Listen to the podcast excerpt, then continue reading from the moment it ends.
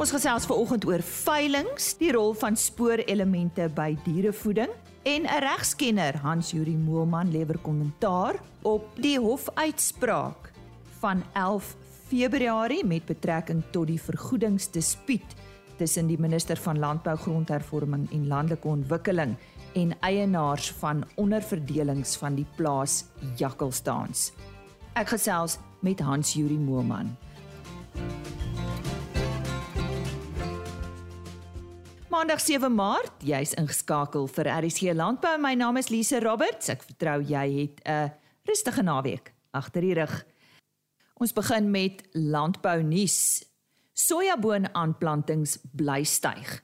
Die hersiene skatting van die Nasionale Oeskattingskomitee toon dat die geskatte oppervlakte beplant met sojabone nou op 915300 hektaar staan. Dit toon 'n toename van byna 11% in vergelyking met die vorige seisoen se aanplantings. Die produksieskatting is egter 75600 ton minder as verlede jaar se produksie. Die verwagte opbrengs van sojabone staan nou op 1,99 ton per hektaar. En dit is verlede jaar bekend gemaak dat onderste poort biologiese produkte of OBP 'n lisensieooreenkoms met die Modern Navorsingsinstituut in Skotland onderteken het met die doel om tegnologie vir die ontwikkeling, registrasie en vervaardiging van 'n enstof teen snotsiekte te verkry. Sedertdien was daar min verwikkelinge in die verband, 'n woordvoerder van OBP, Linda Zipo, het aan eh, plaasmedia gesê die ooreenkoms is geteken, maar dit beteken nie dat die enstof gou beskikbaar gaan wees nie.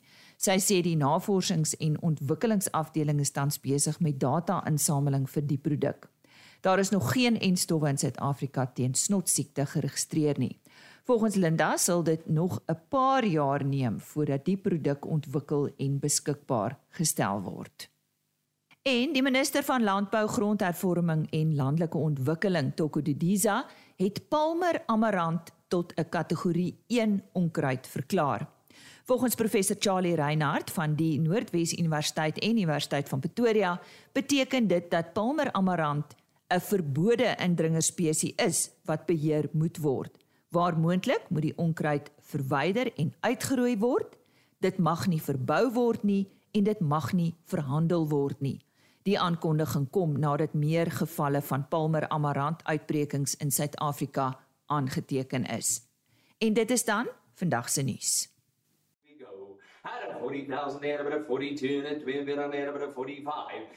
Kom ek vertel jou watter veilinge hierdie week en vroeg volgende week plaasvind. Môre, die 8ste Maart, die 30ste produksieveiling van Jan Vos Landgoed. Dis by Brakfontein in die Davel omgewing. Die aanbod is 177 SA vleismerinos. Dit word aangebied deur BKB van Wyk en die afslaer is Frik Verster en Billy Lions. Op die 9de Maart en ek het reeds met Wiep Uber hieroor gesels, maar dit is die 14de Gaapse Berg Boerbok groep veiling. Dit is op 9 Maart by die Vryburg skougronde daar in Noordwes. Die aanbod is 31 stoet en graadramme, 25 stoet en graad oeye en 60 kommersiële oeye. Aangebied deur Noord-Kaap Lewende Hawe en die afslaer is Teuns Visser. Op 12 Maart die Manso Select Brahman stoetveiling van Rian Tron. Nou ek gesels môreoggend op RSG Landbou met hom oor hierdie veiling maar intussen dit vind plaas by die Parys Afridome. Die aanbod is 10 koeie, 45 verse, dragtig en oop, 8 bulle en 8 lotte semen van beproefde vars. Dit word aangebied deur Vleis Sentraal in Frankfurt en die afslaer is Ian Groblaar. En onthou op 16 Maart is Bonsmara SA se vroulike dier veiling daar op Parys by die Stonehenge River Lodge en ek het verlede week met hulle hoofuitvoerende beampte Louis Styl hieroor gesels. En dis dan vir eers ons veilingsnuus en dit is dan veilings wat hierdie week en vroeg volgende week plaasvind. Die Stockfarm tydskrif is ook nou op winkelrakke beskikbaar. Ons sluit nou aan by die redakteur Isak Hofmeyer. Laat somer en vroeg herfs bly maar vanuit 'n siekteoogpunt die moeilikste tyd op 'n veeplaas in die somerreënvalgebied. Dis insekoorgedraagde siektes, inwendige en uitwendige parasiete en in 'n natjaar soos vanjaar seerpote ook nog. Dag sê hier van my kant af uit die Stokfarm hoofkwartier. Kyk mens na die Maart uitgawe van Stokfarm wat nou op die rakke is dan is dit duidelik dat ons erns gemaak het daarvan om boere van goeie inligting te voorsien om hulle kuddes in hierdie tyd gesond hou.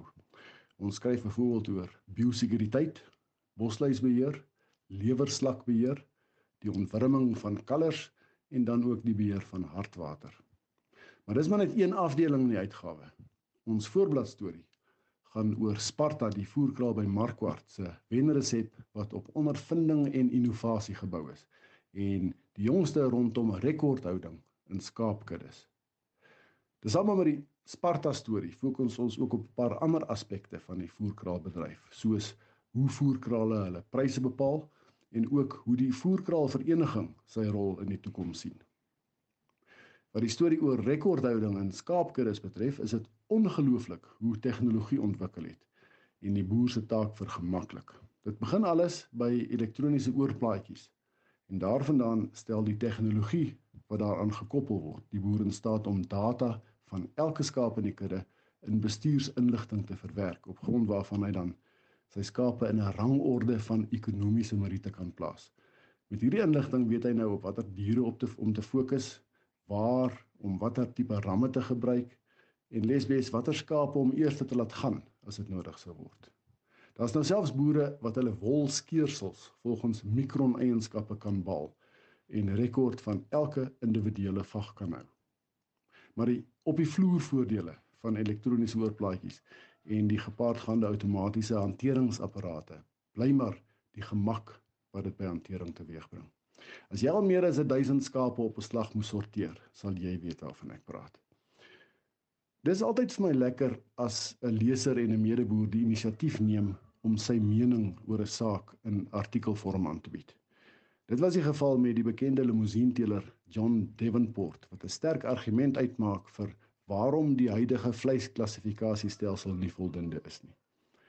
Hy kom dan ook vorendag met 'n interessante voorstel vir 'n oplossing wat die hele bedryf ten voordeel sal wees. En wyl ons nou van rooi vleis praat, is daar ook 'n interessante artikel oor die korrekte en doeltreffende etikettering van rooi vleisprodukte.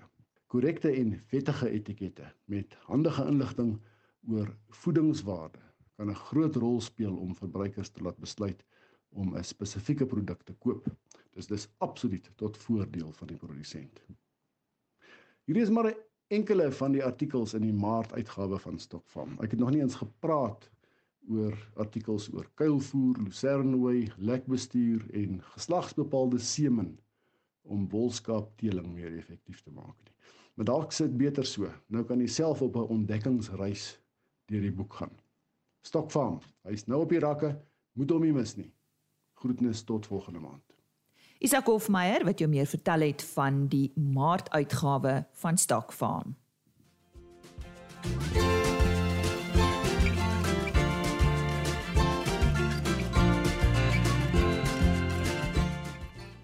Ons fokus nou op die rol van spoorelemente by diereproduksie en uh, natuurlik hoe belangrik dit is vir jou kudde. Ons verwelkom graag vir Dr. Klaas-Jan Leeu, hy's van die Landbou Navorsingsraad se diereproduksie uh, afdeling. Klaas-Jan, ja, wat is die verskil tussen makro en spoorelemente? Ehm um, met makro-elemente bedoel ons die elemente wat in baie groot hoeveelhede voorkom in die kos van die diere. So ons kyk byvoorbeeld hier na kalsium, fosfor, kalium en tot 'n mate swaal.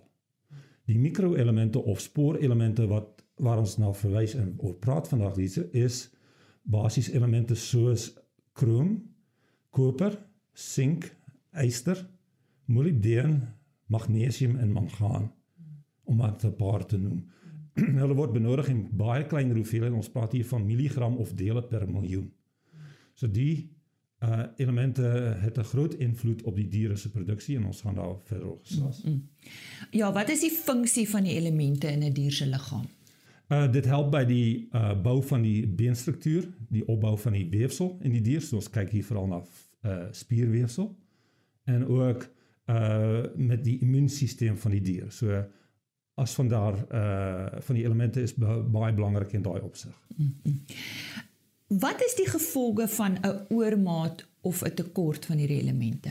'n Tekort van hierdie elemente kan ehm um, ander elemente se opname beïnvloed, maar dit kan ook 'n groot rol speel in die onderdrukking van die immuniteitstelsel van die dier. So dit kan daartoe lei dat daar meer diere siek raak in jou kudde as van die elemente in tekort is. 'n Oormaat kan die uh opname van ander elemente beïnvloed as daar sekere tekort uh, oormaat voorkom. ons sien dit byvoorbeeld by skape met met koper. Ehm um, as daar te veel koper is dan dan word die diere se uh, prestasie en groei en gesondheid negatief geaffekteer. Mm -hmm. En wat kan die voordeel wees vir die boer om om spoorelement aanvullings in sy kudde te gebruik? Ehm um, dit kan lei tot 'n verbeterde de groei van sy diere. So ons kyk byvoorbeeld hier ehm uh, na sink. Uh sink het 'n groot invloed op op die dier se immuniteit maar ook aan die selwandstruktuur. So die selwandstruktuur word stewiger en dit is makliker om te herstel. Ehm um, ons kyk na selenium waar seker gebiede in Suid-Afrika wat 'n tekort aan selenium het. Dit het 'n invloed op uh die reproduksie, so die kalfpersentasie. So as dit nie reg is nie, dan is daar minder koeie wat dragtig kan raak wat 'n negatiewe effek vir die boer het. Mm -hmm. Ek dink ons moet dalk net afsluit deur te gesels oor uh um waar hierdie spoorelemente voorkom. Ek bedoel ons het voer, ons het grond. Wat is die verband en waar kom die tekorte in?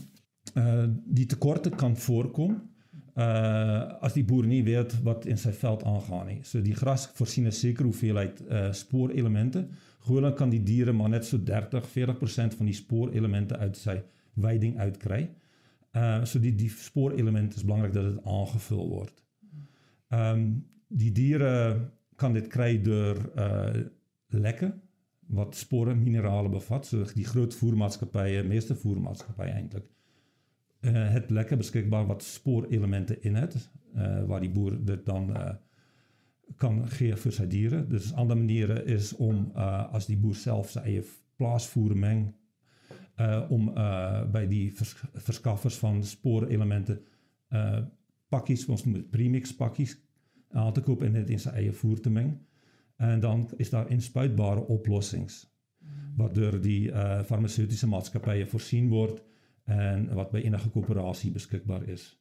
Dit is altyd beter om uh voedingskundige en uh, en veeartse te raadpleeg as jy tekorte het aan sek of jy vermoed jy het tekorte aan hmm, net vir hulle om dit te bevestig net om dit te bevestig ja. en of jy op die regte pad is met jou aanvullings hmm. dat jy nie waar jy dink daar is 'n tekort van 'n sekere element soos byvoorbeeld uh swaal hmm. dat jy nie te veel swaal in jou voer gaan insluit nie want dit het 'n negatiewe effek op die opname van koper en die koperreserwes in die dier se liggaam hmm.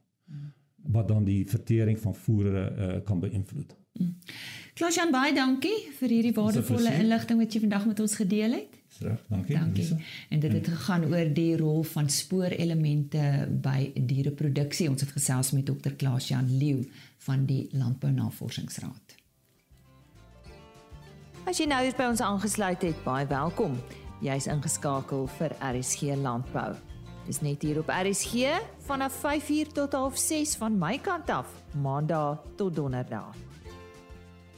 Ons gesels nou met uh, Lawrence Allam oor die 33ste produksieveiling van Mielieboere Bonsmara. Nou dit het reeds uh, op 24 Februarie plaasgevind daar by Hopefield in Viljoenskroon. Lawrence, môre uh, was dit darem 'n suksesvolle veiling en hoe hoe meet julle sukses? Vertel 'n bietjie vir ons. Uh, môre Lisa, uh, uh, dankie vir die vraag. Die veiling was baie suksesvol. Ehm um, uh die feit dat ons baie mense daar gehad het, die pryse was goed, die belangstelling was hoog. Uh en dit was 'n wonderlike dag. So ehm um, ons is baie tevrede en dankbaar vir 'n suksesvolle veiling. Wat was op aanbod gewees uh, op die 24ste? Um, ehm, Lisa, daar was 44 uh, stoetbulle, daar was 20 stoetkoeie en daar was om en by 250 uh, kommersiële vroulike diere. Die ehm um, stoetbulle se uh, gemiddeld was uh, net onder die uh 94000 die stoetkoeie se gemiddeld was dit oor die 40000 die kommersiële dragtige koeie se gemiddeld was uh net onder die 29000 en die oopverse was 16000 en die speenverse was 12000. So as jy kyk na daai pryse toe ons het geen klagte nie, ons is baie dankbaar. Ons het plaaslik baie ondervinding gehad. Daar was baie besoekers. So dit was uh uh in die algemene baie suksesvolle goeie dag vir ons. Ons glimlag nou nog. Sê vir ja. my die besoekers was hulle van oral, van heinde en verre of is dit maar net uh, om en by daar by julle? Ehm um, Lisa Andre Kokkenseën van Limpopo mm. het ons veiling gehou. Mm. Uh in die verlede het ons iemand anders gehad en hierdie was die eerste jaar uh, wat hulle ons veiling gehou het. Mm. En hulle het redelik mense van die Limpopo area gekry hmm. Sowel as Vryburg en ehm um, in die ooste gedeelte van die Vrystaat. So ja, daar daar was mense van buite ons Viljoenskroon gebied, maar gelukkig ook kry ons goeie ondersteuning in Viljoenskroon self. En eh uh, daar was redelik baie stoet die eh uh, stoetteelers ook daar wat vir ons eh uh, ehm um, um, baie tevrede maak en en bly maak. So ehm um, uh, jy weet soos ek sê ons is baie gelukkig. Ja. Sê vertel my 'n bietjie van Milieboere Bonsmaras. Uh wie wie is julle? Ehm um, Lisa, ons is drie uh boere. Ons is al drie saai boere en uh ook beesboere. Ehm um, die drie mense is myself ehm um, en uh uh dan ons voorsitter is die jongste van die drie manne Edward Roo en uh Jerome Gosain uh maak op die drie lede van Milieboere. Um al drie boere in Viljoenskroon. Die Milieboere ons mare uh ontstaan van 'n hele paar jare terug uh waar ek dink dit was vier of vyf boere in die omgewing dit gestig het. En ehm um, um Edward se pa was een van die stigterslede. Hy's nou ongelukkig oorlede 'n paar jaar terug en Edward het oorgeneem by hom. Jerome en ek het terselfde tyd uh um um aangesluit by Willie Boere en ons is nou die drie manne wat oorbly. Ehm um, ja, dit is uh vir ons 'n uh, passie om die uh, uh brand uh, te promoveer. En uh, ja, ek hoop net dat mense ehm um, bewus is van wat se harde werk dit is. Mm. En wat ons probeer om goeie gehalte doeltreffende funksionele diere te produseer vir die uh, rooi vleis uh, bemark. Ons word ondersteun deur 'n uh, baie goeie raadgewer in Henny Snyman. En uh, ek dink ons elke jaar word dinge beter. Mm. Ehm um, en ons is baie trots op ons Milieboere Bonsmare brand. Oh ja. So sê Lawrence Allam, hy's een van die drie lede van uh, Milieboere Bonsmaras en hy het vandag onder andere met ons gesels oor die 33ste produksieveiling wat op 24 Februarie plaasgevind het daar in uh, Hopefield by Hopefield daar in Viljoenskroon en soos ons gehoor het was dit 'n groot sukses. Hy sê hulle glimlag nou nog. Georganiseerde landbou het op 16 Februarie met 'n verklaring die uitspraak wat gelewer is deur regter Cowan in die Grondeise Hof op 11 Februarie met betrekking tot die vergoedingsdispuut tussen die minister van Landbou, Grondhervorming en Landelike Ontwikkeling en eienaars van onderverdelings van die plaas Jakkalsdans verwelkom. Ons het met Hans Yuri Moelman hieroor gesels. Hy is 'n regskenner en van Moelman Pinaar ingelyf daar van Potchefstroom Hy skets die agtergrond en kyk ook na wat dit vir toekomstige sake beteken. Ja, ek dink dit is belangrik om 'n agtergrond te gee van van waar dit vandaan kom. Ehm um, ek gaan hoofsaaklik fokus net kortliks op 'n regsagtergrond. Ehm um, nie net spesifiek op hierdie saak nie, maar waar waar dit vandaan kom. Ehm um, ek dink is belangrik om eers net erkenning te gee aan die regspan wat hier 'n uitstekende werk gedoen het meneer Bertus van der Merwe van Cox en Vennote en advokate Roberts wat hierdie saak gedryf het. Hulle is betrokke in ander sake ook, maar ek dink hulle het uitstekende werk hier gedoen. Die saak gaan oor oor die vergoeding wat betaalbaar is by by grondhervorming. Ehm um, in ons grondwet, ehm um, dit is ook deel van die polemiek rondom onteiening sonder vergoeding is wat is die regverdige en billike vergoeding wat aan grondeienaars betaal moet word wanneer die staat grond moet bekom vir grondhervorming. Ehm um, en daar's in 2014 is daar 'n wet gepromulgeer, die wet op eiendomswaardasies wat in die eerste plek gepoog het om dit wat in die grondwet staan ehm um, te probeer verwoord in 'n wet en praktiese gevolg daaraan te gee. Om te sê maar hoe bereken jy die vergoeding? Die grondwet praat nie van markverwante vergoeding. Die grondwet praat van 'n klomp faktore waarvan markwaarde van die grond een van die faktore is.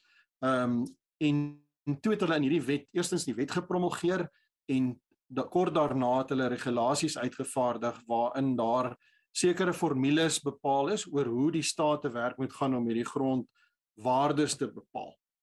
En een van daai ehm um, faktore wat 'n baie prominente rol in hierdie saak gespeel het want, want in hierdie saak gaan dit op die ou ende van grondeienaars wie se grond geëis was en wat die hele geskil het toe gegaan oor wat is die vergoeding wat aan hulle moes betaal word. En een van hierdie faktore is wat in daai regulasies vervat word as huidige gebruikswaarde van grond. En die grondwet praat nie van huidige gebruikswaarde nie terwyl hulle in die regulasies die woord Eh, gebruikswaarde gaan invoeg het staan in die grondwet gebruik, huidige gebruik van grond. En wat gebeur het is hierdie formule kom basies daarop neer dat hulle finansiële state gebruik om 'n huidige gebruikswaarde van grond te bepaal en dan saam met 'n eiendomswaardasie die markwaarde van grond te bepaal en dan die twee bymekaar te tel en deur twee te deel om by 'n regverdige en billike vergoeding uit te kom. Wat belangrik in hierdie saak beslis was en dit is regtig die hele belangrikste kwessie is is daar kan daar 'n monetêre waarde of is monetêre waarde wat bereken word vir huidige gebruikswaarde akkurate manier om huidige gebruik te bepaal. En die hof het tot die gevolgtrekking gekom dat dit wel moontlik sou wees maar dat in hierdie geval dit nie van toepassing is nie. Dit kan een van die metodes wees waarop daar 'n berekening gedoen word, maar die die huidige gebruik van 'n huidige gebruikswaarde van grond as deel van die formule is nie 'n uh, geuite metode nie en ek dink die deskundiges in daai spesifieke saak van Jakkals Dans is onder die loep geneem om te verduidelik hoe het hulle uitgekom by hierdie formule en hulle kon dit nie verduidelik en dit is hoekom die hof op die ou en toe beslis het maar dit is nie een dit is nie 'n manier van om hierdie in hierdie spesifieke geval hierdie berekening te doen nie. En dan 'n tweede belangrike deel van hierdie uitspraak was die feit dat daai wetgewing in 2014 ehm um, gemaak is. Die indieningsdatum vir eise ehm um, in terme van die Wet op Herstel van Grondregte was 31 Desember 1998 en hierdie hofsaak het na 31 Desember 1998 in die hof beland en was reeds in die hof. En wat die hof daar beslis het is dat 'n saak wat reeds in die hof is of wat reeds daar is vir beregting, kan jy nie gaan en hierdie regulasies terugwerkend van toepassing maak om te bepaal wat die grondwaarde is nie. So ek dink die twee belangrikste goed as ek dit kan opsom van hierdie uitspraak is die feit eerstens om omdat dit die die hele uh, vraagstuk oor huidige gebruikswaarde as 'n as deel van die bepaling van grondwaardes onder die loop geneem het of gekritiseer het. En die tweede deel is wat ek dink ook in die toekoms 'n belangrike rol gaan speel is wanneer daar gepoog sal word om by al hierdie grondhervormingstransaksies waar waar grondwaardes bereken moet word tog hierdie regulasies weer toe te pas en of die staat in die toekoms geregtig gaan wees om dit terugwerkend um hierdie regulasies van van toepassing kan maak. En dieselfde vraag gaan waarskynlik gevra kan word rondom die nuwe voorgestelde onteieningswet. Um wat 'n poging is om op 'n ander manier by grondwaardes uit te kom en sekere grond um as grond te beskou waarvoor daar nie vergoeding betaalbaar is nie. En die vraag gaan gevra word en ek dink dis 'n baie belangrike beginsel in hierdie saak weer onderstreep. Daar's ook ander uitsprake wat dit alreeds bevestig het dat jy nie nuwe wetgewing kan maak wat mense ons praat van substantiëre regte en eiendomsreg is nou een van daai substantiëre regte terugwerkend van toepassing kan maak nie. So ek dink dit is die belangrikste of die kruks van hierdie saak en ek dink die die duidelikheid wat hier oorgegee word want baie van hierdie grondeise word op hierdie stadium opgehou omdat grondeienaars in baie gevalle minder as markwaarde vir hulle eiendom kry omdat hulle hierdie formule op daai daai spesifieke metode uh, of ge, gebruik het om by die grondwaardes uit te kom. Hans-Juri Moelman van Moelman Pinaar ingelyf daar op Potchefstroom wat kommentaar gelewer het op die uitspraak deur regter Cowen in die Grondeisehof op 11 Februarie met betrekking tot die vergoedingsdispuut tussen die minister van Landbou, Grondhervorming en Landelike Ontwikkeling en eienaars van onderverdelings van die plaas Jakkalsdans. Dis dan RC Landbou vir vanoggend, Maandag 7 Maart. Dankie dat jy by ons aangesluit het. Ons e-posadres is rsglandbou@plaasmedia.co.za en 'n webtuiste vir die onderhoude is agriorbit.com www.agriorbit.com maar die volledige program is natuurlik ook op die RSG webtuiste as potgooi beskikbaar. Ek kuier weer môreoggend met jou. Totsiens. RSG Landbou is 'n plaas media produksie met regisseur en aanbieder Lize Roberts en tegniese ondersteuning deur Jolande Rooi.